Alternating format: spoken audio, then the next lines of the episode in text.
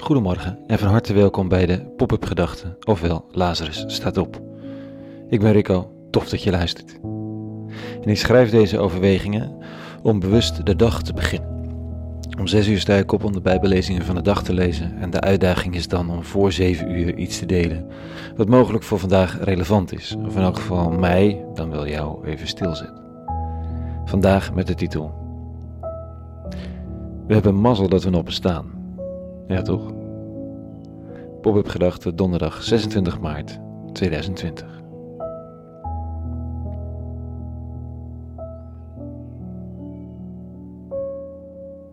Het is stil om me heen. De gordijnen zijn gesloten overal, een duif koert, de zon komt op.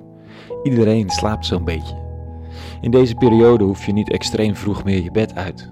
Tenminste, de meeste. Naar je werk gaan is er voor velen niet meer bij. Al betekent dat niet dat er niet veel moet gebeuren. Met thuisonderwijs en allerhande projecten zit er soms, nou bijvoorbeeld bij ons, opeens veel minder ruimte in de dag. Maar vroeg in de morgen is het hier rustiger in Amsterdam, op Driehoog, in West. Eigenlijk een bijzonder fenomeen, al die slapende mensen. Het is zo'n kwetsbaar moment eigenlijk. Slaap. Je hebt niks door. De wereld gaat verder. Je bent zelf in dromenland. En wat er gebeurt gaat volkomen aan je voorbij. En iedereen doet het maar gewoon. Slapen. Goed, de deur is op slot. Misschien heeft een enkeling een alarm aanstaan, maar verder geeft iedereen zich gewoon maar wel over aan de vergetelheid.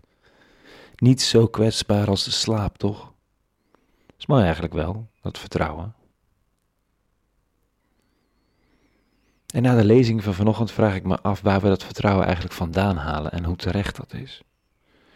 Die tevreden slapende mensen, die vertrouwen dat het heus weer morgen wordt en dat je dan weer verder kunt. Hoe zit dat eigenlijk?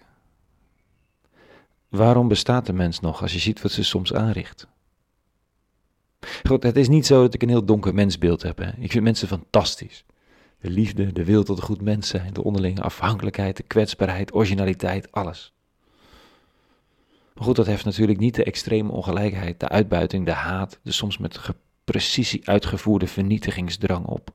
Toch? Zo van ja, mensen zijn ook aardig en lief soms.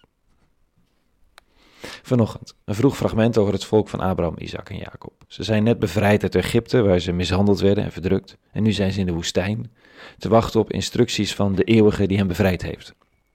Mozes is die instructies gaan halen op de berg, maar hij komt maar niet terug.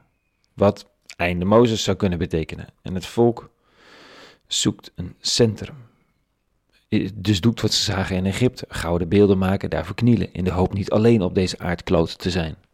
Dat was tegen het zere been van de eeuwige, die hoopte dat ze het licht zouden hebben gezien. Waarom dit zo extreem pijnlijk is, dat voert te ver, maar het is een beetje alsof de wereld van klimaatverandering wordt gered door wonderlijke daden. En dan de auto-industrie denkt, oh, maar dan hoeven we helemaal niet van de diesel af. En we met z'n allen weer stinkende heilige koeien gaan rijden, omdat het zo lekker voelt, zo'n walmende V8 onder je kont. Zoiets. Dan staat er dit. Ook sprak de Heer tot Mozes: Ik zie hoe halstarrig dit volk is, laat me begaan, dan kan ik hen in mijn brandende toren vernietigen. Maar van u zal ik dan een groot volk maken. Mozes trachtte de Heer zijn God gunstig te stemmen en vroeg: Waarom, Heer, uw toorn laten woeden tegen uw volk dat u met grote kracht en sterke hand uit Egypte hebt geleid? Waarom de Egyptenaren laten honen? Ja, hij heeft ze laten gaan met de boze opzet ze in de bergen te laten omkomen en ze van de aarde weg te vagen. Ach, zie af van het onheil waarmee u uw volk dreigt. Denk aan uw dienaren Abraham, Isaac en Jacob, aan wie, wie u onder ede beloofd hebt, ik zal uw nageslacht talrijk maken als de sterren aan de hemel. Toen zag de Heer af van het onheil waarmee hij zijn volk had gedreigd. Nou, is een goede advocaat, die Mozes. Mocht je er nog eentje zoeken, bij hem moet je zijn. En daarom kunnen we dus inderdaad gerust slapen. Niet omdat we het altijd zo lekker doen, er zit een kracht achter de wereld zich te verbijten, soms, denk ik zomaar. Maar die weigert om er een einde aan te breien. Er moet een weg zijn waardoor de mens zelf kiest, zelf tot het goede komt, zelf veranderd wordt. En ons de keuze om daar deel van te zijn. Elke dag opnieuw. Tot zover de pop-up gedachten van vandaag. Een aanzet tot denken, misschien brengt het iets. Meer pop-up gedachten te vinden op lazarusstaatop.nl. En voor nu, vrede en alle goeds.